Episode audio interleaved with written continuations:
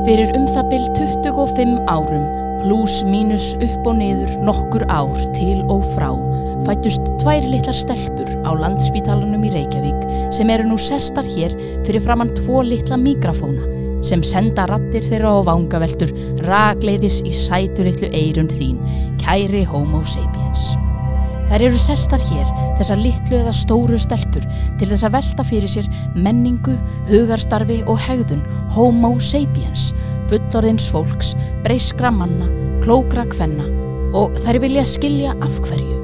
Af hverju fólk gerir það sem það gerir. Af hverju það hugsar eins og það hugsar, af hverju það elskar það sem það elskar, af hverju það er svona eins og það er. Og þessi óvísindarlega, fáránlega, rugglaða en skemmtilega rannsók kallast. Þetta fullorna fólk er svo skrítið.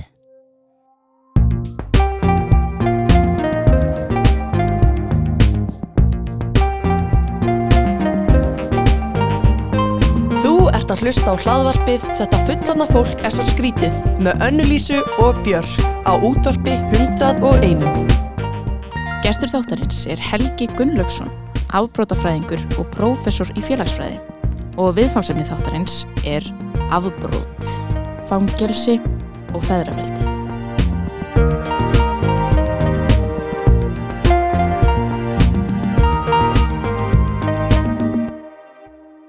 Bara velkomin til okkar, Helgi. Gunnlaugsson, afbrótafræðingur, það ekki? Jú, svona og prófessor í félagsfræði í HÍ Já, emitt, Gekja. Það er aldrei lis. það er aldrei titill Já. Nú erum við að fara inn í smá sko svona hefi. Hefi umræðu sko. Já. Það er nú bara yfirlega þannig þegar að tala við mig sko þá er vandamálaferðinni hvað er í korpásveitin að fjarga mér Já. Oh my god.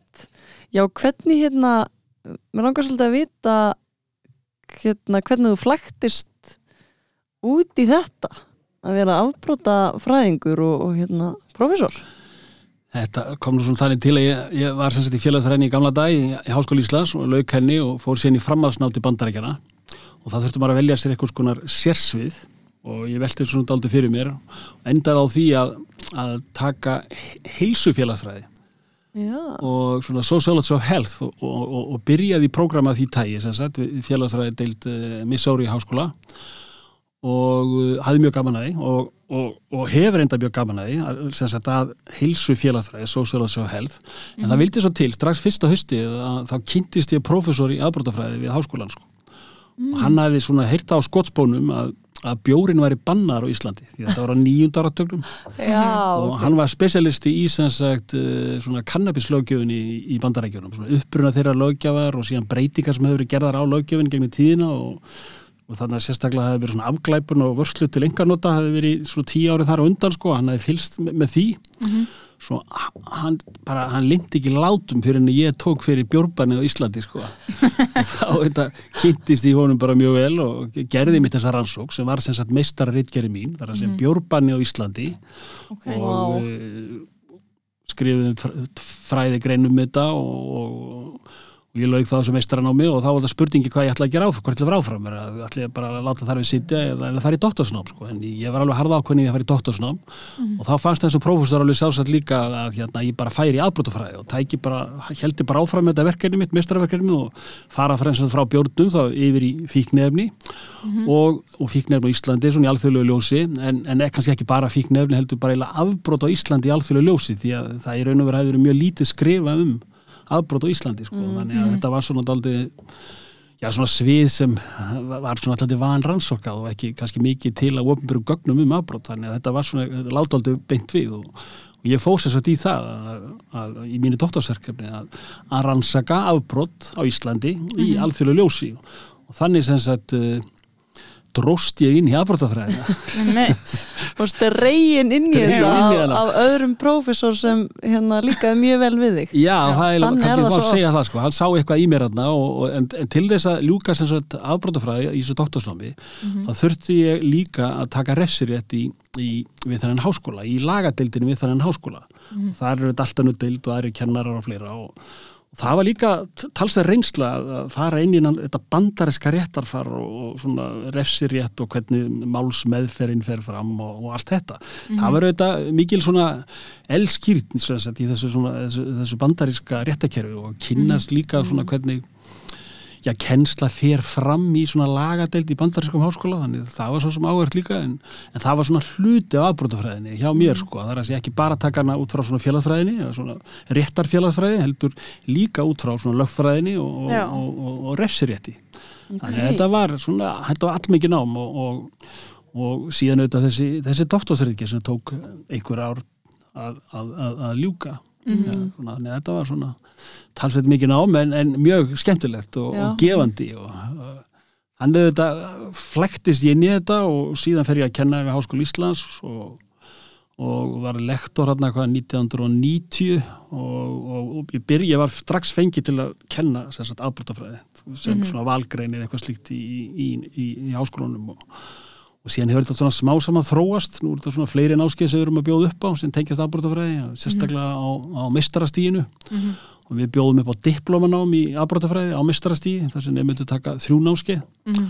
og við erum með núna í undirbúningi að, að, að byrja með mistranám í afbrótafræði sagt næsta haust, þar sem hausti 23 þannig okay. það hefur verið í undirbúningi hjá okkur núna já, síðustu misseri sko. Þannig að þetta er all mikill pakki afbrótafræði pakki. Já, þetta er ótrúlega spennandi heimur. Eða Já. þú veist spennandi en líka náttúrulega átakanlegur. Mm -hmm. Já, þetta, þetta viðfóðsefni sjálft er mjög, mjög spennandi en þetta snertir á talsveit mikið svona Já, þetta er bara síðferði, þetta snertir á mjög, hvers konar samfélag við viljum bú í. Mm -hmm. veist, þetta, þetta snertir auðvitað gerendur afbróta, þólendur afbróta aðstatendur veist, skilgrinningu afbróta þetta spurningu um, um, um refsimörk og, og það, er það er svo fjölmar sem kemur að inn í en svona mm -hmm. grundvallara atriðir sem kemur í þessu, það er svona já, hvers konar samfélag viljum við bú í sko. þetta, þetta snertir doldið djúft á því sko. mm -hmm þú veist, spurningum öryggi borgarni í sínu umhverfi og hvernig við getum aukið það eða, mm -hmm. og það, það er svo fjölmart sko, sem við ættum að mhm. skoða og svo er þetta samanbyrð á milli landa veist, Íslandi í samanbyrði við Danmörku þess vegna eða, mm -hmm. eða bandaríkin, þú veist, að vera að læra afbrót að fara í bandaríkin og það er svona kannski aldrei galið ef við hugsaum um það sko, þú veist, því að þeir eru með dauðarefsingar og þeir eru með 350 ára fangelsi og, oh og þú veist, þeir eru með gengi auðvitað, þú veist, það er sem gengi meir og minn í öllum borgum og mm -hmm. þannig að það þú veist, þeir skotar á sér, þú veist, í skólum sko, það sem er bara mhm. næstíði, bara vikulega eða dag, daglega einhvers konar skot viðbyrður einhvers staðar og þeir eru að mhm. deila um sko hvort að fólk eigi að fá að bera skambisur á, á guttunni hérna á Östustrætti eða eitthvað sko Vist, þetta er svona vandamál sem við erum í sálsar ekkert mikið að velta fyrir okkur sko Nei, þannig að maður þarf alltaf svona að setja þessi nýjan gýrgakvart Íslandi eftir að hafa verið að fara í gegnum þessa Já. messu hjá hjá bandaríkjónum, hvernig, hvernig þeirra kerfi er og, og allt það. Og, og ég svona þegar ég yfirka bandaríkin sko, þá, þá væri þeir svona bara lærdofnum það hvernig ekki á að gera hlutina sko, oh ekki horfa ómikið þángar eftir einhverju vísdómi sko, og, og hérna, þá horfum maður frekar sko, til Evrópu og kannski sérstaklega Norðurlandana sko. mm. og ég hef svona gert það svona skoða fyrirlin hjá mér sko, þá, þá var ég svona í upphafi eftir að ég laug námið um, um 90 að þá var ég aldrei miklu samskiptum við sko, profesora og kannski fræðafélagið í afbrótafræði, þetta bandariska mm -hmm. þú veist, fóru ársþing og var aðstöfnur og fundi og var í svona samskiptum við marga kollega og allt þetta í bandaríkjónum það hefur minkað mjög mikið á nýri öld, þegar maður skipta þessu eitthvað neði sko, mm -hmm. það er svona þegar það voru að líða svona, eftir 2000 og sérstaklega eftir 2010 þá hef ég eiginlega mjög lítið svona samskipti við, svona professional samskipti við bandarækin sko, ég fer ekki að rástefnur þetta lengur sko. Þetta er svo ólíkt þetta, þetta er bara ólíkt og ég er eitthvað búin að bara fullsattana þessum pakka sko, hjá þeim Já. sko og, bara, og ég hef alveg bara, þú veist, þennan svona Evrópu sko, fræðin sko og afbrótafræði í Evrópu Norðurlöndin, Norðurlöndin er með sitt eigið svona fræðafélag sem Dómsvonarraðanviti landan að styrkja sko sem heitir svona Norræna sakfræðiráðið eða svona Norræna afbrótafræðiráðið ég er búin að mhm. vera virkur í, í, í því mm -hmm. ráði og heldur ráðstöfnur, vinnu fundi og með, með mm -hmm. praktíserandi aðilum á, í réttavörslu kerfinu og, og, og stiður rannsóknir og fleira þannig að það, það hefur bara verið mjög, mjög gott og gefandi samstarf og, og svo hefur Evrópufélag afbrótafræðinga líka verið mjög virt sko. það kom til árið 2000 sko Já. þannig að þetta er á rúm 20 ár með Evrópufélaginu og ég hef verið mjög virkur þar sko og hérna s- sóttar ástefnur og, og, og öðlast svona alls konar kontakta sem ég hef verið að vinna með svona í sambandi rannsóknur af ímsu tæ þannig að í raun og verum að segja svona Evrópa og Norðurlöndin bara taka bara minn tíma Mhm. en bandaríkin eitthvað þannig bara runnið til hliðar og, Já. og ég er svo sem er ekkit sérstaklega mikið að velta því fyrir mig hvað er nýjasta nýtt að gerast þar sko Nei, Já, enda bara, það meikar sens Já, Já, menn við erum hvað Evrópufjóð og, og bara þessi evrósku vandamáli er að ímsu leiti svona öðru tægi en það sem bandarækjumenn er, er að klíma við sko. Það er alltaf einhver samkynni sem maður getur dreigið fram en, en bara málið er að þessi, þessi svokallið bandarísku vandamál sko. þeir Mhm. eru talsveit önnur en þessi svona venjubundna vandamál sem við erum að klíma við til dæmis hérna, hérna á, á Íslandi sko. sem eru hver Já, sko, á Íslandi, ég meina þetta er bara það sem við þekkjum bara umræðinu, ég meina það Mhm. eru það eru svona, svona ofbeldisbrot, mm Mhm. -hmm. kynferðisbrot þetta komið mjög stert inn á, á, á síðust árum, bara þessi Mhm. munur bara frá því að komi kringu 90 eitthvað slík sko fram að þennan dag, Mhm. kynferðisbrot gegn börnum, veist, og, og bara kynferðisbrot að málaflokkurinn, hann er allir, hann er orðið miklu miðlægari í, í íslenskri samfélagsumræðina var Mhm. og svo, svo er að svo, og, og svo bara eins og kynferðsbótt gegn börnum sko, þetta er Mhm. verið að koma mikið til bara á síðustu árum, erum að kannski tala um síðustu 10-15 ár Mhm. Þegar- þegar, þú veist, í kringum 80-90 eitthvað slík sko, þegar ég er svona er í, bandarækjum í háskóla að læra sko, að sko, þá var þetta, það lág við að vera þannig að kynferðsbótt gegn börnum bara veri ekki til sko, þú veist, þetta er bara, Mm. þú veist, það, það, það bara, einhvern veginn meira þess að dómstólarnir bara einhvern veginn trúðu sig ekki sko, við Nei. fengum mál bara upp í hendurna meira segja, einstaka sinnum og og, og jafnvel sko vittnisspörð um sko bara mjög alvarlega kynferðsbók gegn börn, börnum og hagnýtingu þeirra en þeir bara einhvern veginn virtist ekki trúa þeir sko Nei. Bara síknað sko, bara þess að þeir bara reynilega trúðu ekki vittnisspörðunum sko. Þetta hefur bara breyst mjög mikið sko. Mhm. þannig að það sem við sjáum með þessi svona brot gegn nákomnum uh, heimilisofbeldi, kynferðisbrot þetta, þetta er alveg miklu miðlægara í íslenskur umræðu en, en, en það hefur verið. Og mörguleit erum við komið svona lengra en til dæmis bandarækjumenn hvað snertir svona nálgun og, og vittnesku Ok. um þessi brot sko. Þannig að, þannig að það, það er svona meiri vitundarvakning sko í samfélaginu en, en, en bandaríkjumenn eru, eru, eru, eru komni sko þannig að, Vá, þannig að það er ótrúlega einmitt áhugavert að heyra það út að mann finnst þetta einhvern veginn ég veit það ekki, mann finnst þetta alltaf að vera ekki komið nógu langt.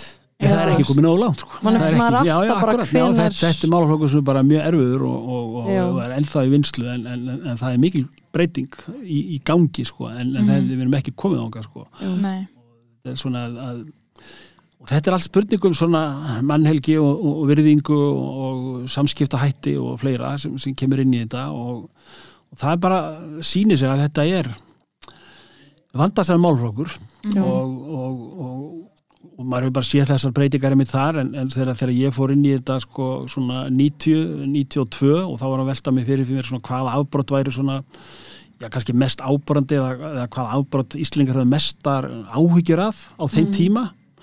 Og þá voru það svona vímöfnabrott sko, fíknabrott sko. Og, Ok. og, og kom mjög stert inn þarna hjá mér þarna, þú veist, í, í, þegar ég var rannsakað 88 til 90 eitthvað slík sko þegar við gera dóttursreitgerina að þá er svona fíknefnum svona eitthvað svona utanakomandi okk sko sem kemur til Íslands Já. og Íslendingar einhvern veginn bregðast við svona allir sem einn dóldi í, í svona samhugur og einhugur um það sko einhvern veginn að verjast þessara okk svona gegn svona æsku landsins. Þá, þá voru svona einhuga um hvernig maður bregðast við. Mhm. og það má segja svona, svona, uh, svona refs, refsiréttar mótilið sko var svona ráðandi hjá okkur alveg og, og þetta mörguleiti enn í dag. Mhm. en þa- þetta var svona mikil eining um það sko. En síðan ef við skoðum nýja öll sko þá hafa átt sér staðtalsara breytingar. Að nú erum menn fættur að horfa á þetta já Vist, þeir sem eru ofurseldir vímuöfnum eins og fíknefnunum og þessum ólölu að mennum fættur að skoða þetta meira svona jafnvel sem heilbriðisvandamál eða félagsvandamál Já. en það rattir að því tæði heyrðust ekki sko, þarna svona Nei. milli 90 og 2000 sko, þetta var bara ein rödd fíknefnin bara, fíknefnin bara djöfullin og við þurfum að gera bara allt til þess að berja niður, til þess að verja börnin okkar sko, Já, því já. börnin okkar eru þetta framtíð Íslands og, og, og þannig að menn skinju þetta mjög stert sko, Já. sem kom upp þessum vörnum mín, þið munið allir auðvitað fíknefnlust Ísland árið 2000 2000 og, og, og svo framvegis. Og allir einhvern veginn sko, við þurfum að gera allt sem hægt er til þess að loka á, á, á, á, á þessa öldu þessar efna sko, þessa útlendu óg sko, en svona á síðustu árum að þá hefum við séð svona ákveðna kannski svona breytingar í því málaflöki að reyna að taka kannski einhvern veginn öðruvís á því Einmitt. kannski ekki alls saman út frá svona einhverju refsimódel heldur að reyna einhverju leit að koma til móts við þá sem er að neyta þessar efna og sérstaklega þeirra sem eru ofurseldir þeim sko. Já, eins og það afglæpavæðing og... Já, eins og til dæmis það sko, Já. við heyrum það, svona rættir um það, afglæpavæðingu og hvernig að koma fram við þá sem eru fíklar eða langt leittir vegna, vegna fíknefna, sjáum við umræðinu núna í þessari viku til þessum heimilisleysi og það er mennur að sprauta þessi í bílastæðahúsum og fleira og, og menn tala um þetta meira á þeim grundvelli sko, að þurfa aðstóða Mhm. frekar en að refsa þessu fólki sko. og þetta er, þetta, er, þetta er það sem við erum að sjá núna á síðustu, ný ár, eh, síðustu, síðustu árum sko, breytingar Einmitt. af þessu tægi sko. Það En- er áhugavert. Einmitt, þú sagðir sko áðan hérna með 300 ára refsingu í bandaríkinum um, og svo ef við horfum hérna á Ísland að þá eru margir oft í kommentakerfinu, sé ég sem finnst hérna uh, refsingarnar ekki vera nógu uh, sko þungar á Íslandi. á Íslandi. Já. Jú, jú, við, er það, þú veist, hvað er ekki einhver millifur þú veist, mér finnst oft ekki vera nógu, þú veist, þegar búið að dæma einhvern, þá finnst mér ekki nógu þung refsing. Einmitt. Einmitt, þetta er þetta málaflokkur sko þessi með refsingar. Þetta er, þetta, allt, þetta er í umræðin í okkur og, og, og ég hef mælt þetta með afstöð Íslandinga til, til refsinga. og þar hefur yfirlega komið í ljós að maður spyrir það bara svona beint út um þetta það er að segja svona bara eru refsingar í Íslandi of þungar eða of vægar? Mhm. þá er það mikill meirhlut sem segir að það sé of vægar sko. þannig að, þannig að það, það er þannig og svo maður spyrir þá uh, er það að hugsa um einhver sérstök brot? Mhm. og þá hafa menn yfirleitt nefnt svona ofbeldisbrot og, og, og kynferðisbrot. Þannig að að menn sjá að þetta líka, séu kannski og, og, og, og vægar þar. Já, þannig að, að ef maður spyr svona almennt svona dóldi, svona, dóldi abstrakt um þetta þá er jú refsingar og, og, og, og, vægar. En ef maður og ég tók þátt í norrænu verkefni fyrir nokkur mánu síðan varðandi það að, að, að bera saman niðurstöðu dómara um tiltekin áþreifanleg afbrotamál, bara alvarleg mál útbyggum sex afbrotamál sem voru byggð á réttaskjölum reynda dönskum réttaskjölum en ég bara stað færði það yfir á íslensk dæmi, gerði bara íslensk dæmi úr þessu Mhm. Og fá, fá sagt, eh, þáttekundur til þess að, að, að í, í, í rínihópum til þess að bara að ræða um þessu mál og hvaða refsingu þú myndi vilja sjá í, í, í þessu málum. Þetta var allt alvarleg mál. Þetta voru nauðgun, alvarlega líkams árásir, þetta voru fíknefnarsmikl og svo framvís. Þetta voru sagt bara mjög alvarleg mál Mhm. og það, svona í tekja tíma uh, rínuhópa fundi þar sem bara Íslandinga bara beinleins fara þá í gegnum þetta með því að raunverulega bara að sjá nöfnin á viðkomandi lýsingu ákvæðinda átti sér stað myndborot af réttarhaldi og bara fara í gegnum þetta sko. mm. það sem kom í ljós var sko, að, að, að afstafa Íslandinga og borin saman við afstöðu íslenskara dómara sem höfðu líka farið í gegnum þessi mál, bara reyndar skrifað bara, bara á texti bara það sem var hérna, hva, hvaða, hvaða dómur er mjög líklegur að falla í íslenskum uh, rétti í gagvart þessu máli og þeir bara svöruði því bara reyndir hérastómarar hérna á Íslandi. Mhm. og, og, og svo bera það síðan saman við þáttakundur í rínuvópunum sem fór ekki nú nákvæmlega sömu mál en fengur Mhm. reyndar myndbrota réttaraldi og fá þá til þess að, að- svara Mhm. og þá kom í ljós að, að, það var ekkit rosalega mikill munur á milli dómarana og svarenda ef Mhm. eitthvað var að þá, þá voru bara svarendur bara vægari sko. Þeir, og Ok. það kannski það sem skipti kannski mestu máli var það að svarendur og þáttekundur í þessum, svona, þessum rínuhópum að þeir að þeir svona vannmátu refsingarmátt íslenskra dómara sko. þeir bara töldi að Mm. þetta nögunamál, nei, nei, við komandi verið bara síknar, nei, þeir vísa þessu Já, frá nei, það, það, ok. það verður ekki dagt fangelsvist í þessu þetta var Mm. umræðan í, meðal þáttakenda sko. Mhm. meðan að dómaratunum við dæmt viðkomandi í 2,5 ári fangelsi, óskil og spundi sko. ok En, en einhvern veginn var svona vantrú á kerfið að, að þeir lása máli, nei, íslenski dómarar, þeir munu bara Já. svona svipa eins og oft með þessi nei, nei, það, þeir bara sleppa með þetta, þeir bara vísa þessu frá og þeir síkna eða nei, nei, það verður bara skilóspundi í eitt ári eða eitthvað. Mhm. En þá kom bara í ljós sko að, að, að það var bara, íslenski dómarar í öllum þessum málum dæmdu í öllum tilfellum í óskilóspundi fangelsist í, þetta var allt alvarlega mál sko og það var, Já. í öllum tilfellum varum að ræða fangelsist til eins til þryggja ára eitthvað slíkt, Mhm. eða ein meira fjó, fjóra hálft ára held ég að vera mest en, en það voru Mhm. svona þungir dómar bak við öll þessi mál sko já, en einhvern veginn svarendur, þáttækundur Mhm. þeir einhvern veginn höfðu það, einhvern veginn þá trú að, að íslenski dómar myndu dæma vægt eða ein, einfallega bara síkna en það var ekki rétt, þannig að Mhm. munurinn sjálf sig kannski er ekkert svo mikill á milli uh, Íslendinga og, og, og dómara en það sem kannski mér fannst kannski eiginlega líka skipta mestumáli var að að þegar Íslingar horfa eitthvað svona áþræðuleg mál á einstaklinga sem hafa jú brotið af sér og þólendur og lesa sér í gegnum það Mhm. að þá er ekkert endilega alltaf bara spurningin já, heyrðu, þessi þarf að fara í þrjú ár í fangelsi, bara raunið bara setjum, sendum hann á raunið í þrjú ár Mhm. en, þ- nei, þá fa- fara menn hugsa býtu, heyrðu, það þarf að gera eitthvað við hann einstakling það þarf að, Mhm. er, ekki, þetta- það, það, er ekki eitthvað annað en bara hendur honum á raunið í þrjú ár er ekki nú augljóst að það er eitthvað að hjá þessum einstaklingi sko, að, að og, og meina, hvernig er með bakgrunnin og ég meina, þú veist, er ekki einhver vandi sem er, sem er, sem er, er þetta ekki meðferð, er þetta ekki miskabætur? Þú veist, það, það er fjölmar sem menn fara að hugsa sko, Mhm. um svona aðra leiðir en bara, þú veist, að, að kasta mönnum á raunið og, og, og flega liklinum sko. Já. þannig að það fórum menn að velta sig á þessum nótum sko, það fórum menn að hugsa öðruvísi um já, refsingar, það, það var allir þáttakundar meirum en að því að menn þurfa að bera ábyrða á, á, broti sínu sko Mhm. og gera það með einhvers konar refsingu en menn horfði ekki bara á þess að loka mannin inn í 1, 2, 3, 4 ár heldur Einmitt. það er kannski að gera ímislegt meðferðarplan. með, já, bara með, þannig að, að byggja viðkomandi en einhver vil að hjálpa þessum einstaklingi það er sérstaklega líði hvern- hvernig þegar, þegar hann snýr tilbaka og fleira sko, þannig að vegna þess að jú, við segjum kannski að refsingar eru á vægar ekki, við ekki hafa hann í tvö ári fangilsi við hafa hann kannski fimm ári fangilsi veist, ok, en hvað eftir þessi fimm ár? já, mitt Við þið, búin í fimm ára á rauninu eða eitthvað, ég meina, hva, hvað á það viðkomandi að gera? Ég meina, þeir, menn munu losna fyrir það síðar, en er, er ekki fimm ár tíu ár, segjum maður já. tíu ár í fangilsi tíu ár, hvernig heldur það að vera tíu ár í fangilsi? Já, Vist, hvernig ætlar þú að koma út í samfélagi aftur? Já. heldur að vera þú góður að gegn hérna, borgarinn Einmitt. eh, með það að, að hafa verið í fangelsi í tíu ár? Mhm. Nei, það er bara mjög líklegt að þú sett bara vanhæfur til þess að taka þátt í samfélaginu. Og þá meir líkur meir líkur brótir að þér og, og bara verði bakki á, á borgarunum þannig að það, það skiptir máli hvað við gerum sko. Mhm. Einmitt. en hvað, þú veist, eins og veist, ég velti þessu einmitt fyrir mér, bara hvað þýðir það að stinga einhverjum í fangelsi, skilur á Íslandi Hva, hvernig er að vera í fangelsi Einmitt, nú fer maður alltaf bara hliðina eitthvað svona amerískir þættir sem er að horfa á með eitthvað svona umöluðum Jú, það, það, það er það er auðvitað áfall fyrir, fyrir, fyrir Mhm. flesta að Mhm. vera sviftur, sviftur frelsinu mm -hmm.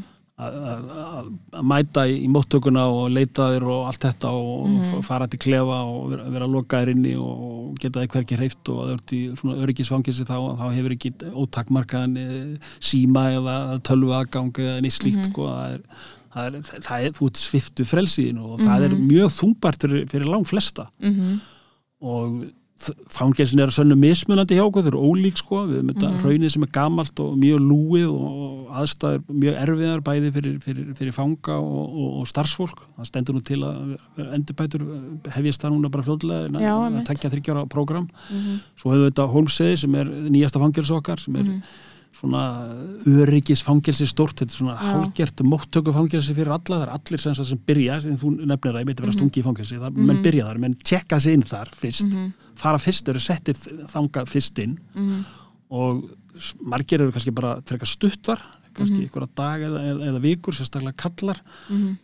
áður en fara kannski á hraunni eða, eða, eða opin úrræði sem eru á sögni eða, eða kvíabryggju en sumir eru talsvert lengur þar Mhm. í hólsegi Mhm.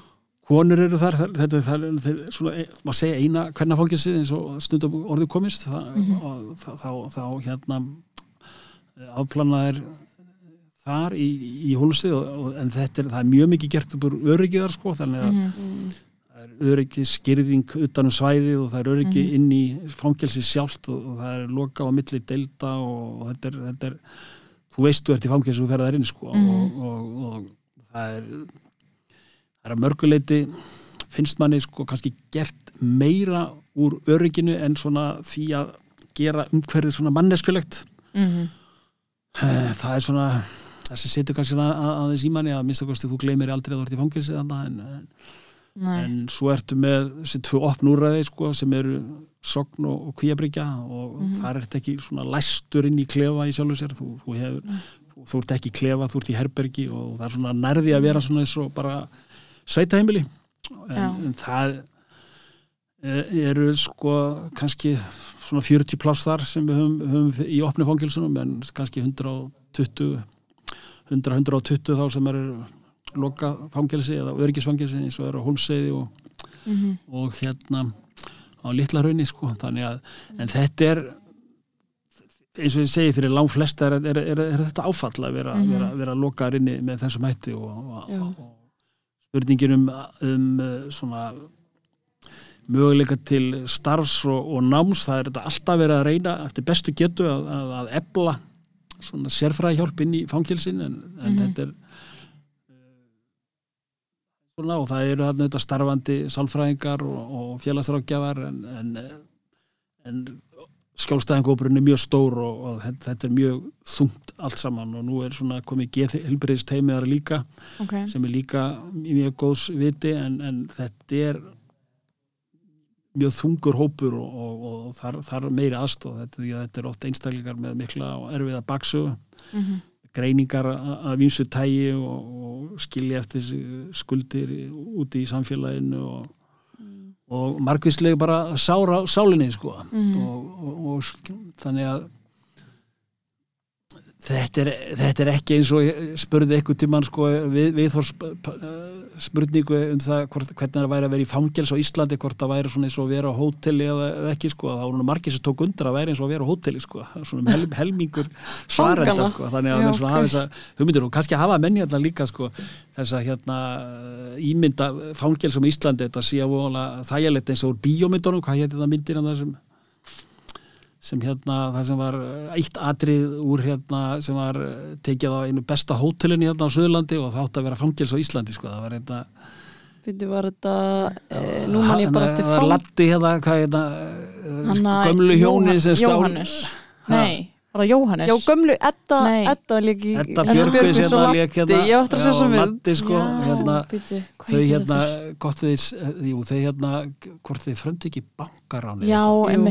Hérna, og, og, dæmt í fangelsi og, og hérna þá kom þessi ímyndu fangelsi í Íslandi og þá var eh, loka senan í myndinni sko, þá var hún sér satt í, í, í, í, fangelsi og, við, við, frábæran kost á svona þessu flotta Mhm. hóteli hérna sem er hérna rétti á þingvöllum. Já, ég veit, ég man eftir þessu einmitt.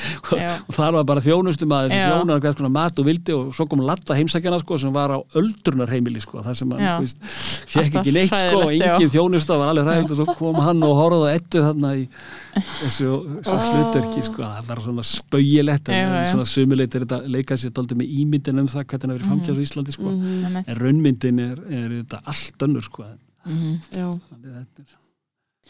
einmitt ég Já. sko nú er ég bara að veltaði fyrir mér að þú byrjar að tala um svona hérna, þessa vanda og uh, þessi sár á sálinni sem fólk sem búið fremja glæpi er með er, er eitthvað svona sem er eitthvað vísir eða þú veist, er eitthvað svona ein rót sem allir eru með sameila eða er það of stort Já, það, það er það, það sem sko, að því að ég man eftir því að ég var að gera alltaf stofturríkjarina nýju daratögnum, 87 til 90 og þá fór ég öll fangelsun og ég, ég tók viðtöl við mjög marga fanga og var einmitt alltaf að velta fyrir mig eitthvað svona samkennum þeirra, sérstaklega þeirra sem voru síbor, í síbrota fanga, mm síbrota menn sko, sem voru aftur í fangelsi.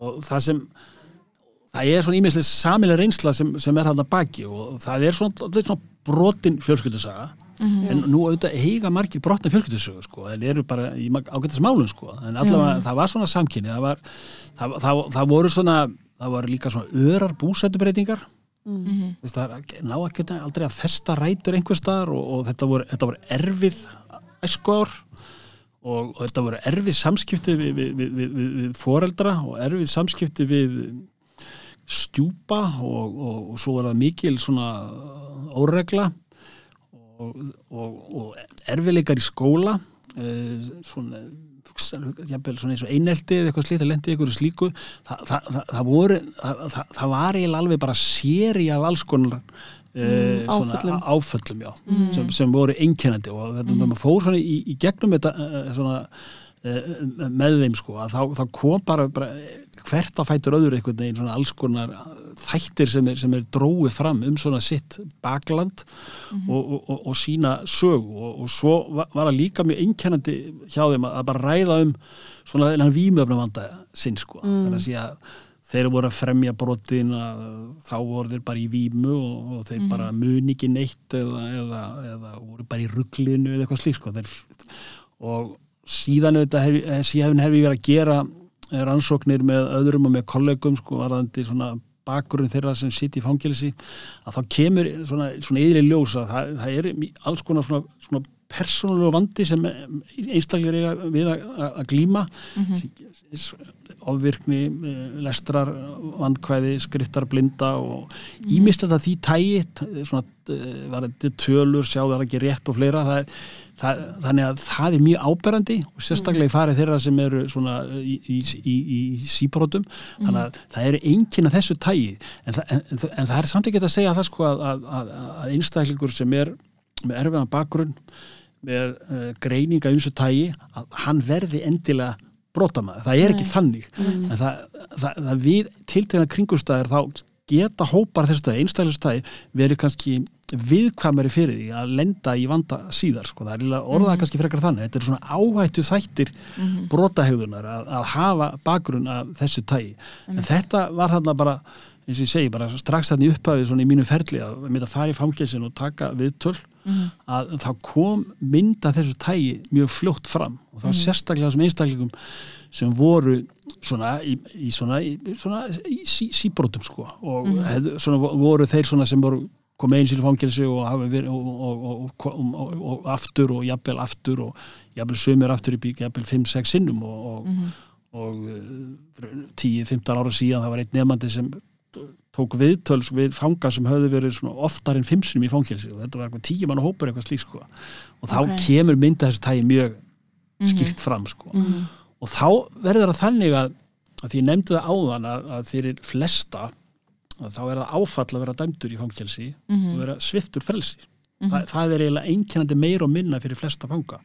En þegar við förum kannski í þennan síbrótahóp þessa, þessa hérna, fanga sem eru eiginlega inn og út úr fangelsum meira og minna þá er það kannski ekki með sama hætti svona mikið áfall sko. Þess að þá verður þetta þannig að þetta er bara fangelsið orðið svona jænast í Heimili. heimili Já. Þetta er orðið eina bara svona fasta fasta heimilið og, og þá man ég eftir eitt sagði sko í, í þessu nefndaverkand fyrir 12-14 ára síðan að, að um, það er eiginlega mjög gott þetta bara að vera í fangels á vituna sko Veist, Wow, en, en, en ok. maður vill vera að lausa sumrin sko ok þá er þetta svona að menna að pæla eitthvað leiti í, í, í þessu sko og þannig að, þannig að það, það er Hvernig menn, menn, menn, menn, horfa á þetta og, og, og við, við þekkjum þetta líka með, með, mann bara eftir það þetta frá, frá bandaríkjunum að vera að lesa afbrotafræði þar sko að þar var þetta oft þannig að, að, að fara í fangelsi var bara eins og að lifta sér upp úr eh, svona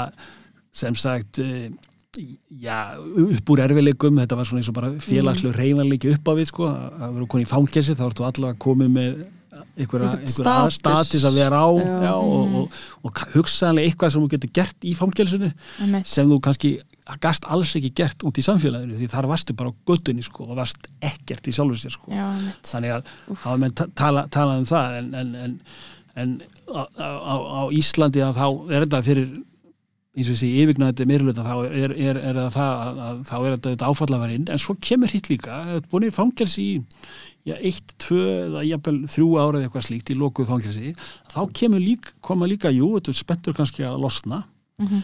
en líka ákveðin kvíði Mhm. Hvað tekur Já, við? Hva, hvað get ég gert þegar ég slepp sko, ég er með skuldir hvað á ég að gera til þess að, hérna, að, að fá, fá íbúð eða, eða, eða hvað get ég gert í varandi vinnu? Það er enginn sem er að ráða mig sko, þú veist, þeir bara googla mig og, og, hérna, og, og það er bara ræðum enginn sko, vegna þess að þeir bara sjá strax hérna á googluna, ég var brautað mér ég flutti inn fíknefni eða ég var dæmdu fyrir hérna ofbeldi eða, eða skjalafalsi, eða bara, bara hvaða brot sem er sko. Og, og þú veist, þá er ég bara á enga möguleika sko.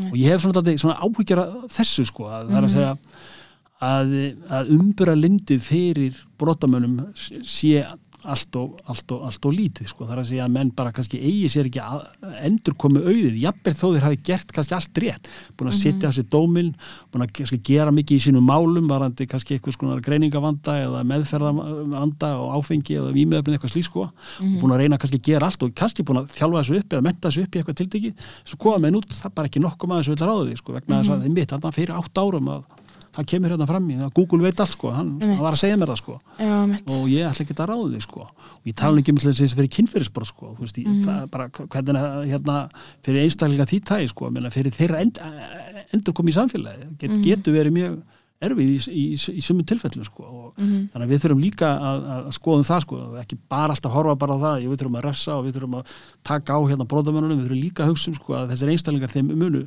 snú aftur út í samfélagið og, og þá er velta allans fyrir okkur því. Hvernig ætlum við að láta að snú út í samfélagið? Ætlum við að reyna aðstofa til þess að komast út í samfélagið með einhverjum að þannig geti staðið á eigin fótum? Eða ætlum við bara að setja það beint á örorkumat sko? Einmitt. eins og er tilfellið í miður allt og átt Já.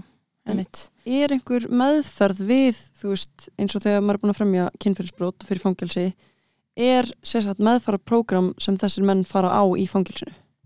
Já, það, er- það, er- það, það er meðferðarprógram og það eru sem sagt, sérfræðingar sem, sem, sem eru að, að, að, að fást við þann vanda og þeir, en þeir þurfa að forgámsraða og, og vandin er miklu stærri en, en þeir geta nokkuð tíma ráði við.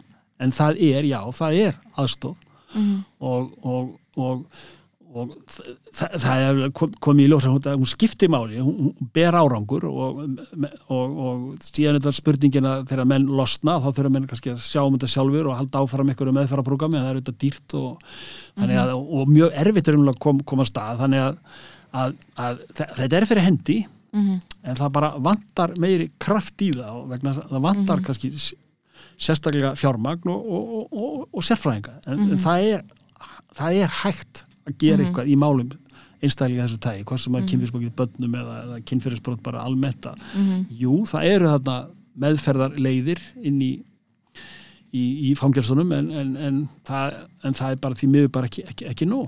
Nei, einmitt.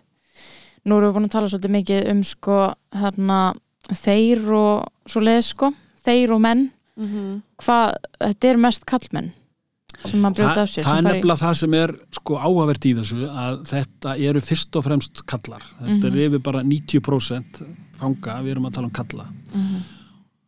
og þannig er þetta ekki bara á Íslandi þetta er svona í bandarækjunum, þetta er í Evrópu þetta er bara, þetta má segja þetta er svona bara mjög mikið til kalla vandi Mhm. og þetta veltir maður fyrir sig hvað, hvað er að gerast þarna vegna þess að konurnar, þetta er, veist, það, eru konur auðvitað sem eru í fangelsum og við erum að tala kannski um þetta 5-10% eru, eru, eru konur og ef maður reynir að bera þær sama kannski við þennan kalla fjölda Mhm. það verður þessar konur oft í bara oft í svona erfæri stöðu en, en, en, kallandi, það er svona búin að brenna alla byrja baki sér og, og, og bara í mjög margar þeirra í mjög, mjög erfæri stöðu en svona meðalfangin sko, meðal kallfangin en það er alveg rétt, þetta er svona þetta er karlavandi og, og maður getur orðað þetta kannski einhvern veginn svoleiðis að, að ef allir í samfélaginu myndi hagast eins og konur sko, þá getum við bara lagt niður þessu fangilsi, við þurftum ekki að hann í fangilsi sko. Það er ekki bara að dreyma samfélagið okkar. Jú, jú. En bara, ekki bara að líka þakka fyrir að konunnar hæ, hægist þér ekki eins og kallar sko veist, Já, já. það væri nú laglegt maður. Þetta er þr- þrjú hólseitt góður. tvo litlararinn og, og allt brjála í bænum er ekki, í miðbænum? Já, shit maður. Það væri Ó, Guð. tvö, þrjáttumanna gengi hérna Oh kalla gengi og kvenna gengi hérna og skipta á milli sín þessum veitingásum sko þannig Oh að, my god. Úff, þannig að er þakka fyrir það sko að hérna sé ekki allt saman að allir hægir sér eins og kallar. En þetta Nei. er auðvitað stingur þetta dalt í augu. Hvað þetta er mikill svona kalla vandir og auðvitað ekki allir kallar í, þessum- spórum en, en það getur samt sem aður ef maður fara að skoða stöðu kalla í, í, kalla í samfélaginu þá eiga er við svona miklu meiri vanda svona ymsu tægi en konur sko. Við, við förum alveg bara aftur í sko leikskólan og grunnskólan svona sem þetta hegðuna vandkvæði mm greiningu ýmsum vanda. Þetta er allt miklu, herra hjá, hjá, hjá drengjum en, en, en, stúlkum. Mhm. svona varandi svona vímöfna vanda og þetta, þetta, er, þetta er miklu algengara meðal karla Mhm. og svona velta þessi fyrir sig hvað er þetta í gangi að sumir að kalla þetta svona bara þetta er svona gjald karlmennskunar að- að vera Mhm. karl að það bara það komið svona ákveðið svona álag og ákveðin baggi á það kyn hlutverk að, Mhm. að vera karl Mhm. að sem sagt bara væntingar og eða eitthvað slíkt og sem, Mhm. sem þarna verða til sem gera einhver leita verkum að, að, að, að margir kallar bara er í mjög erfiðri stöðu Mhm. og, og, og, það, þannig, og, það, það byrtist meðalanis í fangilsunum, það byrtist meðalanis í brotunum en þetta byrtist víðar í samfélagi þetta byrtist í hegðunarvannkvæði í grunnskóla Mhm. þetta byrtist í- á meðferðarstofnunum Mhm. þetta er, þetta er meira karlar og, þetta er menn að velta fyrir sér þessum, þessum skýringum þær eru þetta svona margþættar en, en að mörguleiti þá tengist það svona kynhlutverkunum Já. það ken, ke- ke- svona já, þeim svona því kynhlutur sem kallar eiga að leika svona væntingar og fleira það er svona, við tekur þetta svona við tekur þetta sögulega síðan það er væntingandur um það að kallarnar eiga að vera, já kannski fyrirvinna eða, eða ráðandi eða Mhm. þurfa að- þeir eru að menta sig að þeir þurfa að bjarga sér og allt það Mhm. meðan svona sögulega síðan að konurnar kannski hafa haft önnur hlutverk Mhm. eh, meira hlutur sem, sem, sem, sem lítur að svona barnaumsjón, heimili og öðru slíku, það er svona öðru þessu kröfur, auðvitað mikla kröfur, það er ekki að draga í sjálf sér úr því, en kröfundið til kalla hafi verið meira svona, eins og maður segir kannski svona útvortis, það er að segja kallanir er einhvern veginn að bjarga sér í, í samfélaginu í, í samkeppni, harður heimur og allt það meðan konundar eru meira svona gæta að. Þetta er svona þessar hefbundnu hugmyndir í sambandi við kynhlutverkin. En þetta hefur auðvitað verið að, að breytast mjög mikið á, á, á, á síðustu árum og, og, og veist, við kom, kom, komið fram í því er það, jú kallanir er áfram að vera ráðandi einhverju leiti á vinnumarkað og bjarga sér þar en þeir eru auðvitað að, að, að, að einnig líka að, að, að, hérna, að gæta bús og, bú og, og börnum og allt það, þannig að það er komið tvöfaldar en, og með konundar hefur verið þannig að konundar er svo sem áfram að vera með börnir og heimil og allt það, en líka konar kröfur á konundar að, að, að, að standa sig á, á vinnumarkaði, sko, þannig að álæðið hefur klárlega aukist á, á, á bæði kyninni eða bara núlega segja öll Já. með, með, með það, þannig að, að það hefur kannski einhverju leiti jafnast en svona sögulega séð þá sjáum við þennan mikla mun á væntingum til kynjana sem hafa mörguleiti skapa svona bakgrunn fyrir þessum ólíku leiðum og um ólíka vanda sem, sem kynin eiga við að stríða í, í okkar samfélagi og byrtist í þessum hætti, byrtist í fangelsunum, byrtist í, í, í brotunum, ábrotunum og það sem eru bara, kallar eru meir og minna bara ráðandi í, í því. Já, en mér finnst þetta, þetta er svo asnalegt sko, út af því að það er eins og orsökin og afleðingin sé bara svo sama þessi eitraða kallmennska að þessu vandamáli út af því að þú veist, Já, náttúrulega bara kerfið eins er og upphafið Já, veist, kerfið eins og við þekkjum það er búið til að köllum og það er karlægt og við vitum það núna og við tölum um feðraveldið en samt einhvern veginn afleiðingin af þessu kerfi er, þú veist, svona eitru kallmennska, er þetta ofbeldi? Út af því að kerfið er búið til úr ofbeldi, eða þú veist, það er og það er svo, það er svo asnalegt að, þú veist út af því að við erum að tala um að kall, og strákar, þú veist, passa ekki inn í þetta kerfi Mm. og konur ekki heldur, það passar einhvern veginn enginn inn í þetta kerfi og hvað þá kynsegin fólk. Og þú veist, þú veist þetta er ekki gott Já. fyrir neitt Nei, Nei, og hérna, já, þetta er bara Nei þetta, þetta, þetta er alveg rétt, þetta er, þetta er ákveð svona fyrirkomulag, feralið fyrirkomulag, svona ka- karlægt fyrirkomulag, það sem réttarkerfið og allt saman, þetta er bara styrt meir og minna körlum Mhm, og þjóðfélagskerfið allt. Þetta er spurning svona um vald og virðingu. Mhm, og það hefur verið þannig svona genið tíðina að, að karlar, mhm, að mér svo kosti sömur karlar, hafa verið valda meiri en aðrir. Mhm, og svo er líka bara virðing á því allt sem kallar gera, það er meiri sko en til, til dæmis á konum, það er að segja að svona hvernig bara störf og framlag, hvernig þetta er metið okkar samfélagi, að það, það er meira það sem, sem kallar gera, að það er svona hefur verið metið meira svona sögulega séð. Mhm, en það sem konur gera, það er metið minna, sem byrtist til, bara til dæmis í því að að, að vinna kvenna, hún er svona ekki nú tíðina, hún er bara verið sjálfbávinna sko. það einmitt. það, það er bara allt sem konund að gera, hvað sem eru heimili eða, eða, eða barnaumönun, þetta, þetta hefur verið bara unnið af konum fyrir engin laun í sjálfu sér og, og með, með, með kalluna sem eru útvortis eh, hérna aktivitet starfsemi hjá kallunum að það er launa með einhverjum hætti og, og þannig að það er svona, það er svona virðingar munur að framlegi karla og hvenna og við sjáum þetta bara í okkar nútíma samfélagi í dag að það sem svona kallar að gera þetta er alltaf metið meira veist, þetta, þetta, þetta brölt í böngum og, og fjármálum, þetta er mikið til kallar og, og það er það er svona, svona fyrirtæki og, og, og hagnaður og allt þetta, þetta er svona og, fjármála umsið, þetta er, þetta er allt metið miklu meira. Mhm. og þetta er svona kalla að starfsemi kalla yðja mjög mikið. Og svo það sem hefur verið að gerast er það sko að ef, ef konur færa sig inn á svið sem kallar hafa kannski verið með sko Mhm. að þá hefur það orðið ég stundu til þess að það er svona verið svona ákveð gjaldfelling á því. Get, tekið sem dæmi til dæmis eins og þetta er grunnskóla sem dæmi þegar ég var í barnaskóla eða grunnskóla þá var þetta kannski mjög mikið til kallar sem kendu, sem kendu Mhm. og þá var þetta nú svona þokkalega greitt á þeim tíma sko. En núna hef einhvern veginn konundar tekið yfir það og launin einhvern veginn síið sko. Oh þannig að þetta ekki. þetta er svona spurningdóldið svona virðingu og vald sko. mhm. og, og, og, og, þetta er svona þessi, hugmynd, hún er mjög lífseg sko, hún, Já, hún er það auðvitað er það. einhverja leiti vonandi að gefa eftir sko. Já, en bara alls ekki nóg sko. þetta, er, þetta er það djúft í okkur að, það liggur við þetta sem komið í DNA-ði hjá okkur, Mhm. það liggur við það, það er það ekki að sjálfsögðu, þetta er fyrst og fremst menningarleitt fyrirbæri sem við höfum skapað Mhm. og, og sem félur í sig þennan svona virðingar mun á framlagi mm. kynjana Já. og, og við sjáum þetta enn í dag en vonandi að gefa eitthvað, eitthvað, eitthvað, eitthvað eftir já, þetta er bara svo áhugavert líka sko með, þú veist, út að einmitt, við erum að tala um eitthvað konur hafi verið mikið, þú veist, undir og einmitt ekki jafn mikið virtar, þá finnst manni, þú veist, eins og það væri eðlilegt að, þú veist, að, að viðbröðin við því væru ofbeldi, eða þú veist, að verða brjálaður. Og oft tala um að konur séu brjálaðar og allt þetta skilur,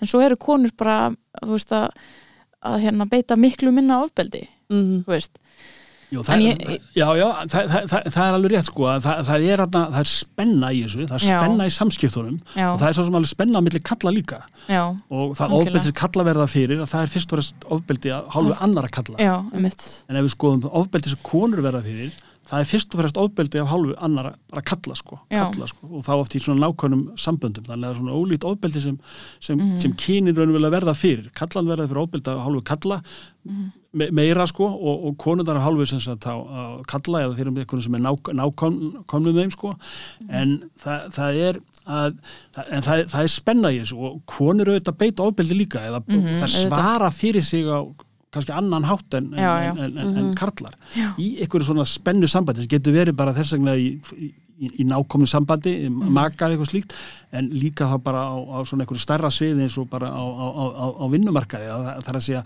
að konur beita þá bara öðrum tækjum og tólum sko, til þess að svara fyrir sig sko. sem Já. kannski Íslendinga ekki fangelsi þú veist, fyrir, eða þú já. veist Stundum, velti því einmitt að það, það kannski ekki lendi ekki eins mikið í fangelsi og kalla það fyrir að brjóta kannski fleiri brýra baki sér áður en það enda í fangelsi með það, þannig að það er svona, getur e- e- eitthvað svo leis en, en konur auðvitað beita ofbeldi sjálfsins, en gera kannski Mhm. bara með öðrum hætti við höfum þetta á Mhm. Við erum svona hattgjur langbrók er það ekki, þú veist, þegar þegar gagvert Gunnar hérna, manni sínu sko þegar þurfti á að halda hérna lokkur hárena til þess að verja sig sko að, þá gaf hún ekki lokkin sko þannig að hann Mhm. drafst sko þannig að þetta er svona þetta er hár fínt sko að það var veginn sagt sko hún þarna launa hann kinnhestin sko það er að segja hann Já, er ábeldismæður í einmitt. nákvæmni sambandi sko Gunnar sko, hann bara launa hann kinnhestin sem, sem, sem raunverulega er verið að segja alltaf sko, maður, maður fær í eitthvað svona bókmyndagreiningu sko að, væntalega hefur hann verið heimilisóbeldismæður sko, Gunnar að hlýða þetta sko. Já, En og þetta hann er orðað- samt hetja Íslendinga. Já, ah, þetta er svo típist Já. þetta er típist En það er til þetta sem sagt heimilisofbeldi svo kallega, ofbeldi Já. nákvæmlega verið í Íslendinga svona líka sko Mm. og það er svona, svona dálítið áhugavert í þessu liti en, en það þá svarar þessu með þessu bara þessu svona svona glúrnum hætti sko. Mhm. þú er þetta að hugsa um kynnestinn fyrir sko. Og einmitt, kannski ekki gert það þá hefði verið lífbjörgin sko. Einmitt.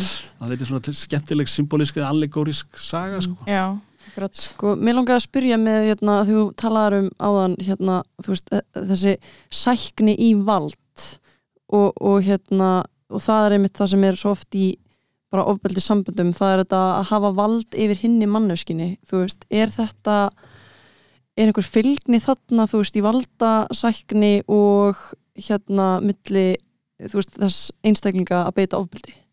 Þú veist, er fylgni eða Ég ég held að sé alveg, það er öruglega samband þarna á, á milli og ég held að svona ef við tökum svona valdið í svona kannski nákomnum samböndum þá er það ein, allt svona, það er svona það er svona úrræðaleysi, það er svona vanmáttur einhverju leiti mm -hmm. uh, getur verið samabörður eða eitthvað slíkt sko að kallin finnur sig einhverju leiti veikar á einhverju stíu gagvart maka eða eitthvað slíkt og, og svara þá með, með, með ofbeldi. Þannig að það getur verið svona eh, einhver slík dýnamik í sambandinu uh, hvað, hvað það snertir. Einhver, einhverju leiti að, að, að, að svara með að svara með, með því. Uh, svo þetta á, á, á svona stærri, stærri grundöldi úti á, á hérna eins og ofinbera vettvangjum eða eitthvað slíkt að, að, að beita eða verða fyrir ofbeldi í, í hérna, já, segjum bara á ofinbera lífi eins og til dæmis á skemm, skemmtana staði eitthvað slíkt að þá eru þetta spurningunum svona um augurinn sko. Og ef við tökum svona ofbeldi kallana til dæmis, ég var myndið að nefna það að þeir verða mikið meira svona ofbeldi af halvu annara kalla og sérstaklega kalla sem kannski þekk ekki mjög mikið.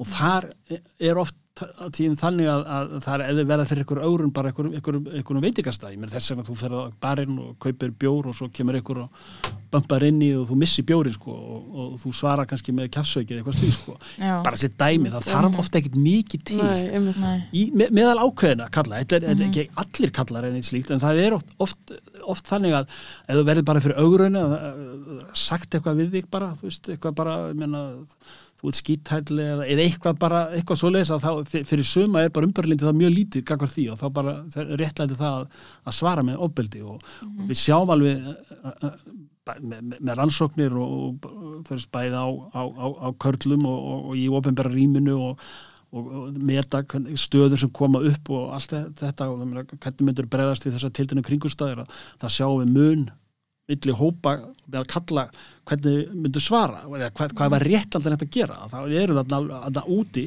ákveðin kallar sem telja við tiltæla kringustæður þá sé rétt alltaf að beita ofbeldi og, og það er oft þessi bara Já, ef það er einhver, augurunni eða, eða, eða móka eða, eða eitthvað slíkt sko, sem, sem, sem á sér stað og, og, og svo getur það verið, við vitum við sjálfsögur ekkert hvað er bak við þessi ofbeldisverð sem við vorum að sjá í bankastrætti í, í, í, í síðustu viku að, að það var lítið einhvers konar valdabaróta, virðingar baróta, það sem menn er að berjast um svæði, starfsemi einhvers konar móðgun á sér stað í aðdraðanda eða eitthvað slíkt og, og, og, menn er eitthvað leita jafna sakit en með einhverjum hætti, það sína bara virkilega vald sko, ég meina þið, gengur á langt og nú bara skil láta ykkur bara finna fyrir því sko og bara, mm -hmm. bara koma þarna bara með heilan her og bara passa þið bara næst sko, þú veist, menna, við erum hérna allir tilbúinir að að, að, að, að taka þátt í þessu sko við ætlaði eitthvað að vera með eitthvað stæli í framtíðinni sko, þá bara mm. við um, um við ykkur sko þannig að það, það er svona valdabaróta, virðingabaróta þú veist að vera augrað með einhvern slíkum hætti í þessum svona uh, ofbeldi á svona ofnbæra rýminu og síðan höfum við þetta í þessum með varandi svona ná, nákomna að, þá er oft þessi bara dýnamík sem, sem, sem á sér stað á milli þessara nákomni það sem menn eiga kannski bara erfitt með að að að ræða sín mál og lenda einhvers konar vanda eða ógöngum og, og, og, og í stað þess einhverju leta að leysa með einhvers konar málamilun eða, eða orðræðu að, að þá grípa menn til, til ofbeldisvers og við erum líka með að, þetta er svona meðferða úrræði varandi þetta, þetta er oft spurningur um sjálfstjórn, þetta er oft spurningur um að, að að, að taka ábyrð á sínum gerðum og verkum og, og, og það hefur borðið góðan á, ávöst hérna í okkur, svona ímiskun mm -hmm. úræði varandi þessi nákomnu sambund þar sem eh, sérstaklega meira kallar kannski konur en konur beita svo sem ábeldi líka. En það er mynd spurningin um þetta að, að, að halda sjálfstjórn sko og, mm og það er þetta að læra það sko og það er þetta mm þekka merkin þegar þau fara að koma upp eða skiptir öll að einhvern veginn að, taka ábyrða á, á verku sínum og, og, og horfast í augu við hana sko, að við ekki hennar verið sjálfið er bara kannski þennan svona veikleika sko. mm -hmm.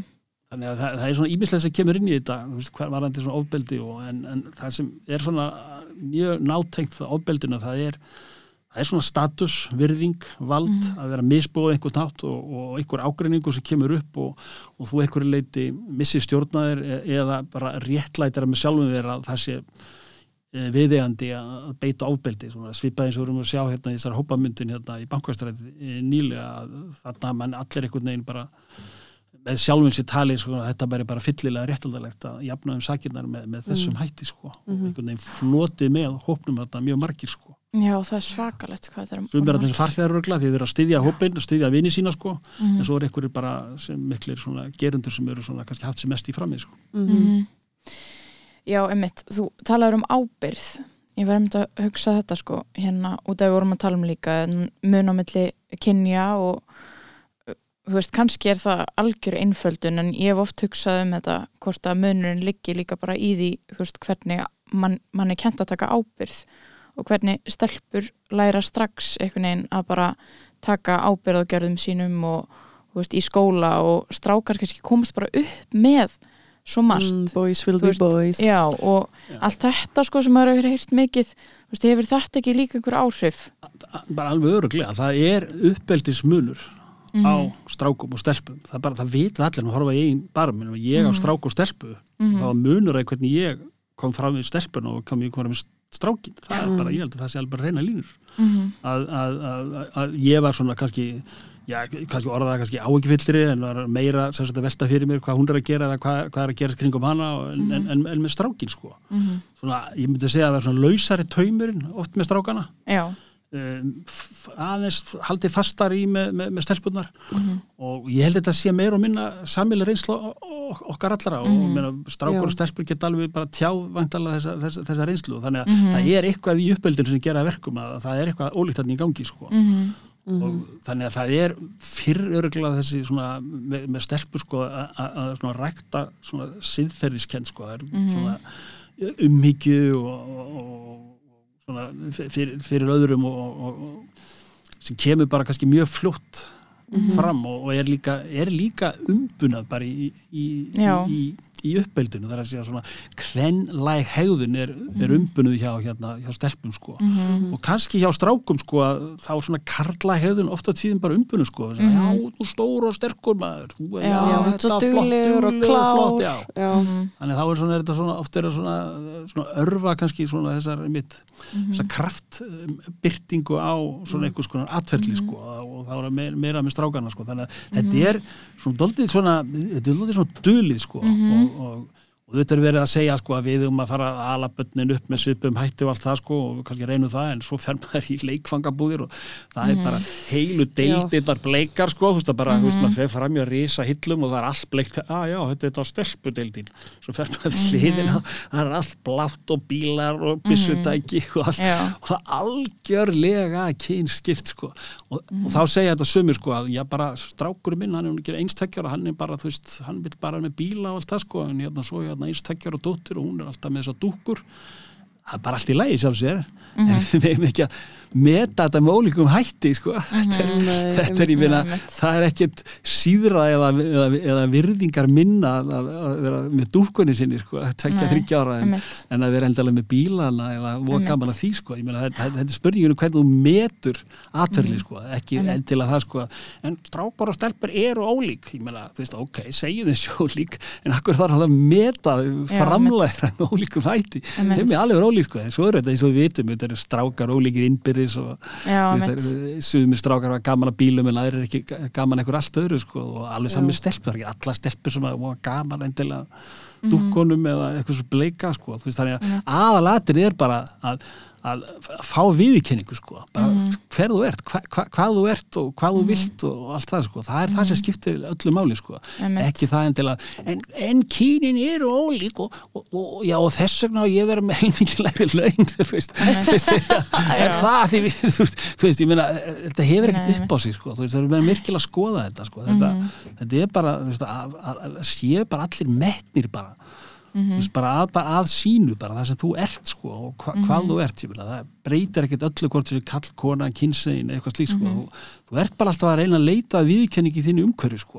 fá Mhm. bara viðkenningi þínu umhverfi sko, fyrir það sem þú ert sko en svona samfélag hefur að mörguleiti svona doldi stíða okkur í sundur og eins og ferraveldiskerfi sem myndist þið mitt á það sko, að það er þarna einhvern veginn svona baggi í okkur, eitthvað það er bara æxli í okkur sko sem við erum voðal erfitt með að, að, að, að eyða sko, við erum voðal erfitt með að uppræta þetta en, en svona, maður vonar auðvitað að myndin sé ekki eins stórkallalega eins og við sjáum hana í Katar og veist það sem þetta fótboltamót er að kallarnir er að sparka sko að það eru þetta alveg rosalega stórkallegar myndir af ferraveldi sko, þú veist, það er þetta svona eins og það var kannski í okkur fyrir þúsund árum eða eitthvað, ég veit ekki, 2000 árum, þú veist, það er bara, þú veist, alveg ótrúlegt vanmat á, á framlagi kvenna sko, þú veist, og bara kallanir bara eins og, eins og ykkur, ykkur í keisara sko, í samanbyrði sko, En við, erum- við erum ekki þar, við erum, við erum komið fram einmitt.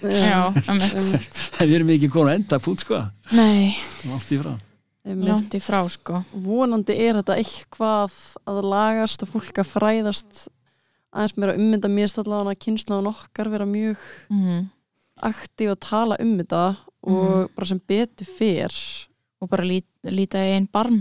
Það er svo mikilvægt að reyna, reyna vera ekki hrættur við að sjá þarna eigin fordóma og eigin, þú veist, út að við erum einmitt öll bara partur af þessu. Við erum öll með er- fordóma. Það algjörlega. Er svo auðvelt að fara í vörn sko, Mér það, við erum svona svolítið mitt í því núna svona um, já, hvað segir maður á því tímabili núna að þú veist, fólk er að fatta en fólk er líka ennþá að fara í vörn og þetta er rosalega erfitt allt saman það, það, er, það er mjög erfitt, svona bara svona uppgjör og, og, raunulega bara þekkja sína eiginleika og veikleika og allt það mm. -hmm. auðvitað er maður svona meir og meina mótaðar af þessu umhverfi sko, og maður er Mhm. meir og meina mótaðar af fordómum og við erum bara búin að gangi í gegnum þetta allt sko, ég meina, þú veist, með tökum bara einhverja hópa eins og til dæmis samkynnið eitthvað slík sko, þetta mótast maður þessum hugmyndum sem bat sko, þegar mm Mhm. samkynnið voru bara alveg til hliðar sko mm -hmm. og, og svo smásama samfélag búin að læra og læra og, Mhm. ég meina, og staða þeir er allt önnur í dag en hún var fyrir einhverjum áratugum síðan sko. Mhm. Þa- þannig að svona er þetta með bara mjög margt sko. ég meina, bara við þurfum okkar til, til, til batna framlags þeirra og ég meina það, uh, karla, kvenna, eldri borgara og þú veist þetta er bara Mhm. það er, það er aðalatri eitthvað svona bara þess, að efla með okkur svona bara mannvirðingu bara, bara. Mm. hvern, hvernig þú ert sem manneski og leifa fólki að vera til og Já. þetta er eins og komið þessi með, með, með, með, með afbrota þá þetta, við, við fordæmum verknaðin, við fordæmum þetta, kynfyrirsbrot, ábeldisbrot og allt þetta en við verðum líka að hugsa um það sko að einstaklingar sem fremja öll þessi brot sko að þeir verða þá líka einhverju leita að geta komist tilbaka. Og svo tala auðvitað, já, með þólendur eitthvað slík sko, ég menn við þurfum að virða þólendur og þetta þurfum að hafa þólendur eh, með og, og, og rétt þeirra og að þeir komist tilbaka eins og hægt er að koma að, sem sagt, að með aðstóð við þá. En þólendur er engu bættara með því að, að hérna að, að einhvern einstakling sem settir í fangis í 5 eða 10 ár henda leiklunum og svo kemur viðkomandi út og, og, og, og hann er kannski bara halvu verri og, og, og verða til nýjir þólendur sko. Mhm. þannig að það er hann líka sko, að það er, það er fyrir heildina er, er best að einhverju leiti að, að vera með einhvers konar að endur komið sér auðið með einhverjum tilteknum hætti það sem enn bæði sem ber ábyrð á sínu broti eh, gangast við því og, og, og, og taka síðan út sína refsingu og, og fari gegnum kannski viðjandi meðferð eftir atvikum og eigi síðan möguleika á því að, að stíga út í samfélagi aftur vegna þess að það er bara svo dýrt fyrir okkur öll. Ef við gerum það ekki sko og þá erum við bara að skapa pínu og við erum að búa til þólendur í, í framtíðinu og, og þetta þurfi einhverju leiti að, að sjá og skilja til þess einhverju leiti að ná þar á, á, þann, þann, á þann stað og, og ég hefa mörguleiti svona, svona áhyggjara eins og hvernig ástandið er hjá okkur í dag sko að það er svona minna umbörlendi fyrir svona endurkomu brótafun út í samfélagi aftur sko en það var til dæmis þegar ég kom frá námi sko í kringum 90 að þá fannst mér einkýrandi og ég mitt rætti þetta í, í dóttáðsveikirni sjálfur sko, að, að, að það væri ekki miklu fordómar fyrirverandi brotamann á Íslandi sko. og Nei. eitt dæmi um það sem ég tók var að það er ekki sífælt verið að spyrja um sakavottorð Nei, það var ekki mikið á þeim tíma. Það var ekki að spyrja sig. Og þá var þetta ekkit Google dæmi heldur sko. Nei. Og, og ég rætti bæði við brotamenn og með fangavel og lögulega því þetta, mér, mér, mér, var þetta sannarlega umhugað á þessum tíma sko. Mhm. og, og, og niðursta var ekkert þessu sko að hérna að á Íslandi það væri ekki miklu fordómar gagvart brotamennum og brotamenn ættu rauna að möguleika að stíga aftur inn í samfélagi. Ég, ég er ekki að sömu skoðanir í dag sko. Ég held, ég held þessi bara verra í dag en var bara fyrir 30 árum sko. Okay. og núna er, er, er það þannig auðvitað. Við auðvitað höfum, höfum Google sko og við höfum líka hérna með sakavottorið sko, það er í æ meira mæli við erum að spyrja fólk um, um, um sakavottor og þarna komið inn í samkefnis samfélagið okkar, að þú ert að sækja um störf eitthvað slíkt minna, það er það er kannski 50 sem sækjum og, og hérna, það er bara tveir sem fá jobbi og, og þá er þetta sortiraðar ekki sko Já, tökum alla út sko sem eru með sakavottor sko þú veist, Já. svona, svona bara Já, maður myndi svona Já, byrja á það byrja því bara, Já. þetta er svona eitthvað próblem sko, því menn þetta er nú 50 að sækja um hérna og já við erum bara með 5 jobb eða eitthvað og Já. hérna, tökum það alla út þá sem eru Það er nú ekki að fara að kannski lenda í einhver rugli já. já. og svo, svo eru vinnuveindur oft sko, þeir bara eru líka hrættir sko, þeir segja, jú Mhm. ég held ég myndi vilja ráða hann að gæja, málum og ég held að hann muni koma mínu bara fyrirtæki eða minni starfsum bara mjög vel sko Mhm. en svo, hugsaðar hann, heyrðu hvað það með mína viðskiptavinni sko, svo uppgötta Mhm. þeir þetta eða þetta kemst í blöðin eða eitthvað að ég sé Já. að ráða hérna einhvern fyrrum, einhvern brotamann sko, já, þú veist að ég vil ekki lendi því sko en ég er eitthvað Mhm. að treysta þessum mann alveg 100% hann er frábær, hann myndi vera Mhm. mjög fitt hjá mér en ég, Já, en það vita það ekki var, allir. vil, vil, vil ekki bara, það, það er álitsmissi fyrir fyrirtækið og fleira sem þetta var að ráða og ég er bara ágjörða því að þetta sé meira einkennandi fyrir okkur í Mhm. dag Mhm. en það var fyrir 30 árum Mhm. mitt að þá, þá voru menna viljuri sko að, og kannski vissu oft ekki að, að fortíð einhver- einhvers einstakling sem hafa kannski gert allt sínum málum og, og, og náðu bara ná sér vel á strik sko. Mhm. en það er, það er mörguleiti verri í dag og það er út frá þessum samfélagslegu forsendu sko, Mhm. bara okkur, borgurunum Mhm. að kenna að svo er, að það er erfið að koma tilbaka sko. Mhm. þá eru raunulega bara búa til hóp einstaklinga og sístækkandi hóp einstaklinga sem eru bara upp á skattgreðendur komnir sko Mhm. bara eru bara á bótum við við bara lámars framfæslu Mhm. og þurfa einhver leit að komast uh, af og líka þá tilnefing til þess að þar verið svona biturleiki og, og, og, og, og reyði í, í garð samfélags að, að fá raunulega hverki möguleika til þess að njóta sín sko. Einmitt, þetta er mjög, þetta er mjög hérna, áhugavert og örgulega sko, uh, svona dæmi sem að uh, fáir pæla í sko. Já, ekki, ekki, ekki nægilega Nei. hugsa, hugsa út í þe- þessar afleðingar sko, Já. hvernig við bregðumst við brotunum og brotamönnum sko, vegna þess að það, það verður eitthvað að hugsa þetta til enda sko. mm. það er ekki bara að, sem sagt, að, að koma viðkomandi í refsingu, koma viðkomandi í fangelsi og, og, og eða því sem við nefndum í upphæg að það vilja þingja refsingar og, og allt þetta Mm. við þurfum líka að hugsa um hvað svo Mm. Hva- hvernig verður viðkomandi þegar eftir, eftir fimm ára eða tíu ára Mhm. mm. hvernig verður hann í stakk búin til þess að takast á við samfélagið, já, utan múrana eins og orða þess að smeklega Einmitt. Einmitt. Herðu, nú, nú erum við bara komin að ljóðahorni eiginlega. Já, við erum að renna út á, á Við erum renna út á tíma, tíma. sko. Ó, mér, það er svo margt sem Já. er okkar að byrja viðbót. Þetta er þannig málaflokkur. Já, við verðum að fá því aftur. Já, það er alveg hægt að gera það bara við Já. tækifæri sko en það er alveg fjölmart í þessu sem ættir að ræða sko. Já, mér langaði svo mikið að fara meira inn í sko það sem við rættum um varandi stelpur og stráka en, en að samaskapi vill maður ekki eh, vera með hérna spilliefni. Já, spoiler, við getum kannski fengið þig aftur svona í kringum sýninguna í Tjarnabíó Já, ef þú veist Tala til, um hérna. það var í æði um það þema. Já, já, já, ég, ég að er tilbúin þetta ef bara látum við ert heyra svona þegar þið farið á stað með það Já, stikkið. já, já. geggjað uh, Velkomin í Ljóðahort Bjarkar Guðmundsdóttur með mér hér í dag er Helgi og hann ætlar að spinna með mér lítið orð Nei, og lítið, lítið ljóð Lítið orð. lítið orð, lítið ljóð hér á staðnum og hvað hétt ljóðið? Lífið er brekka. Lífið er brekka ummitt upp í mót niður í bjarg. Uh, ég rúlla niður og mér líður eins og ég sé bara kannski lítið farg og ég dekka stíg upp keikur af þessu bjargi Nice. Uh, ég veit að ef ég set hægri fótinn fyrst og svo vinstri mun allt fara vel. og við hlaupum á stað enda veðrið gott Ég tek á loft og finn hvernig vindurinn leikur við mig og allt er flott. og við lát, lát, látum okkur dreyma um framtíðar stað þar sem eru heitir pottar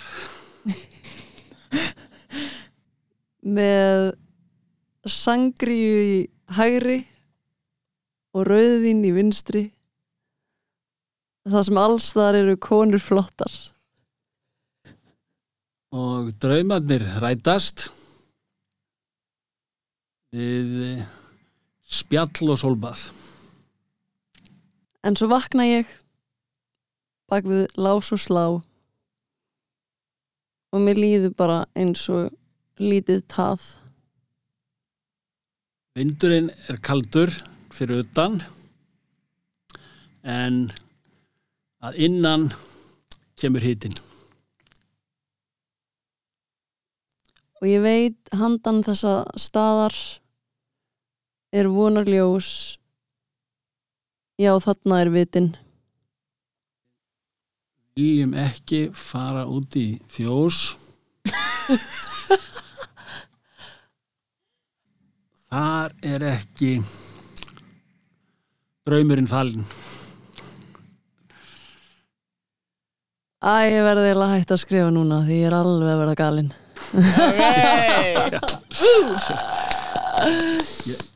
oh. Lífið er brekka Ég lífið fyrir eitthvað sko, ég, ég var svona að því það, það var afbrotið sko, svo þetta flug eitthvað annað sko, en, en hérna, ég, ég var alltaf að reyna að ná sko stuðlum og, og hérna, og, hérna, vá. og hérna, og hérna sko rými sko, en ég bara einhvern veginn bara náði ekki því miður, bara, það er bara þoka sko.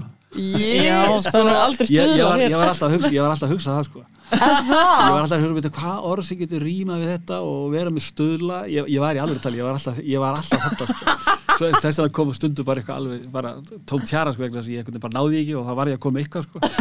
Það var þannig sko. Það er bara bara stuðlar Takk fyrir að taka þátt, það er svo Já. gaman Já, þegar ég- gesturinn okkar vill taka þátt Já, Já. endilega sko, ég vil alveg taka það sko, en þú veist, en, en, hérna, en, en, en ég segi, þetta var það sem ég var alveg bara fast, ég, mér fannst ég einhvern veginn yrða að gera það. Já, var, ég það var verð að test, fylgja já, ég verða, já, reglunni sem verð- íslensku já, kennarinn var búin að kenna já, mér. Já, akkurat, það var alltaf þannig sko.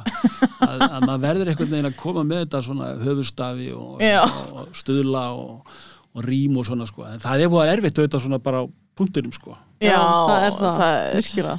Þú varst að reyna þetta þú, þú komst svona með svona Ég var bara að reyna að rýma sko. En oft sæði ég úr rýmorðið fyrst og þá þurfti ég að rýma aftur eins og þannig að uh, hvað sagði ég, eitthvað flott Já, Gott. gott, Já, já. flott var ekki sko Já. og það var svona, já, þú, þú, þú varst aðeins í því sko og það svona setti mig dálítið á hérna, já, ég verð að gera hvað Þú er vanari sko, þú hefur verið Já, ljóðan já, áður sko já, já, já, það er Já, svo er leiklistin og allt þetta sko, Já, það, já. það kemur og hjálpar sko, með svona orð og, og munasetningar og Mhm. samtöl og allt þetta sko, að, þá kemur hann rinjandi sko, orðana Mhm. sko, meira, Já, já. sko.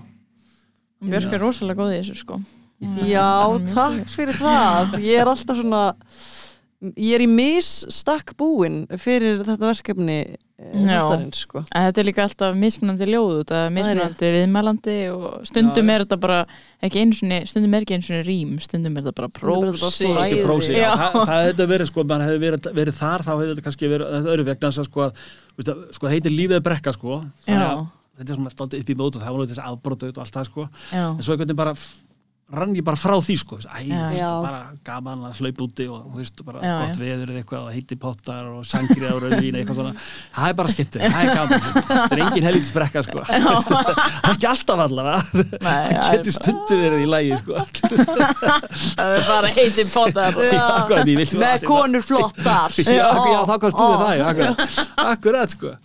Það er skemmtilegt einmitt svona bara jákvæðir ströymar sko, sem er þetta bara skemmtilegt sko, en við erum ekki alltaf að pæla í þessum afbrotum í sjálfu sér, það er þetta interessant viðfórsefni Já, sko. en maður getur ekki, veist, alveg einhvern veginn tekið allt inn á sig og, og, og breytt sér sko. Nei, ég var einmitt að hugsa það þú veist að segja hvernig þú fórst út í þetta sko. hvernig er að vera afbróta fræðingur Já, og vera já. að kenna og alltaf að Já, þessi mál, sko, það er, það er erfitt sko. Já. það er erfitt líka vegna þess að maður er með stóra hópa nefnda sko, og Mhm. þarna úti er alls konar reynsla sko.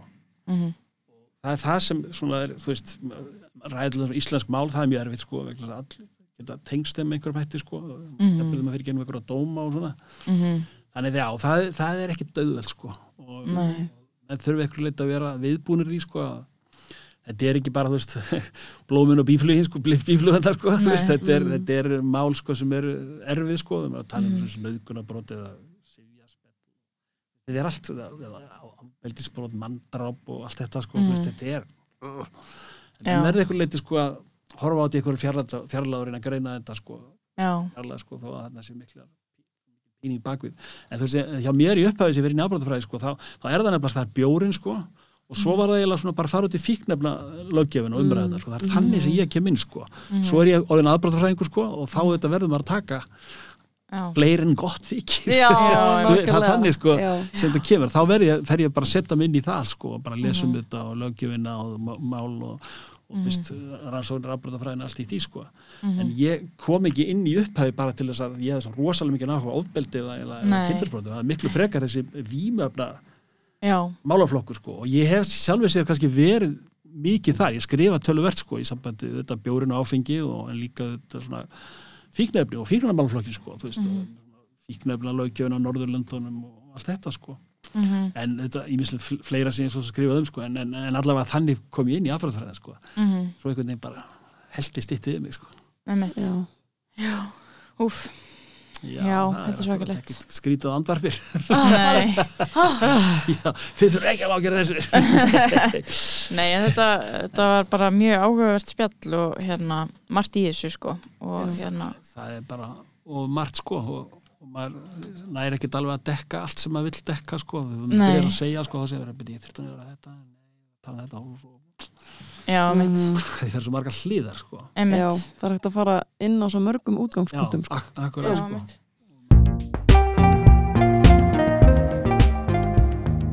Þú, Þú varst að- varst Þú varst að hlusta á þetta fullóna fólk er svo skrítið! I stab you little girl. I stab you right in the stomach. Kannski ekki viðandi við með við efni þáttarins Nei, ok, ég skal læta núna okay. Þetta Mjög gott. Já, það er svo greið oh!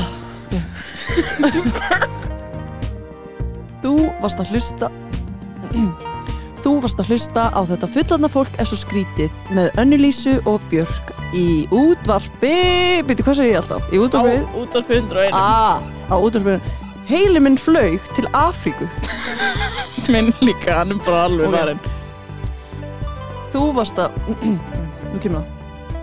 Þú varst að hlusta á þetta fullorðna fólk er svo skrítið með Önnulísu og Björk á útvarpi 101 þar sem uh, nett fólk kemur þar sem alls konar fólk kemur kemur? Það er svo sísat No! Ó, ég ætla ekki að það. Þurr okay. Þú varst að hlusta á þetta fullorðna fólk er svo skrítið Af hverju er það svo erfitt? Við gerum þetta yfirleitt bara í one-take Já Kannski er það fóbrætið Já. Það er brotfótur með brotfótinn Þú varst að hlusta á þetta fullorðna fólk er svo skrítið með Annelísi og Björk á útvarpasti 101 Það er það sem að, að það er núna í sér málgalla. Ég ætla að leika þjóðverja sko. Já.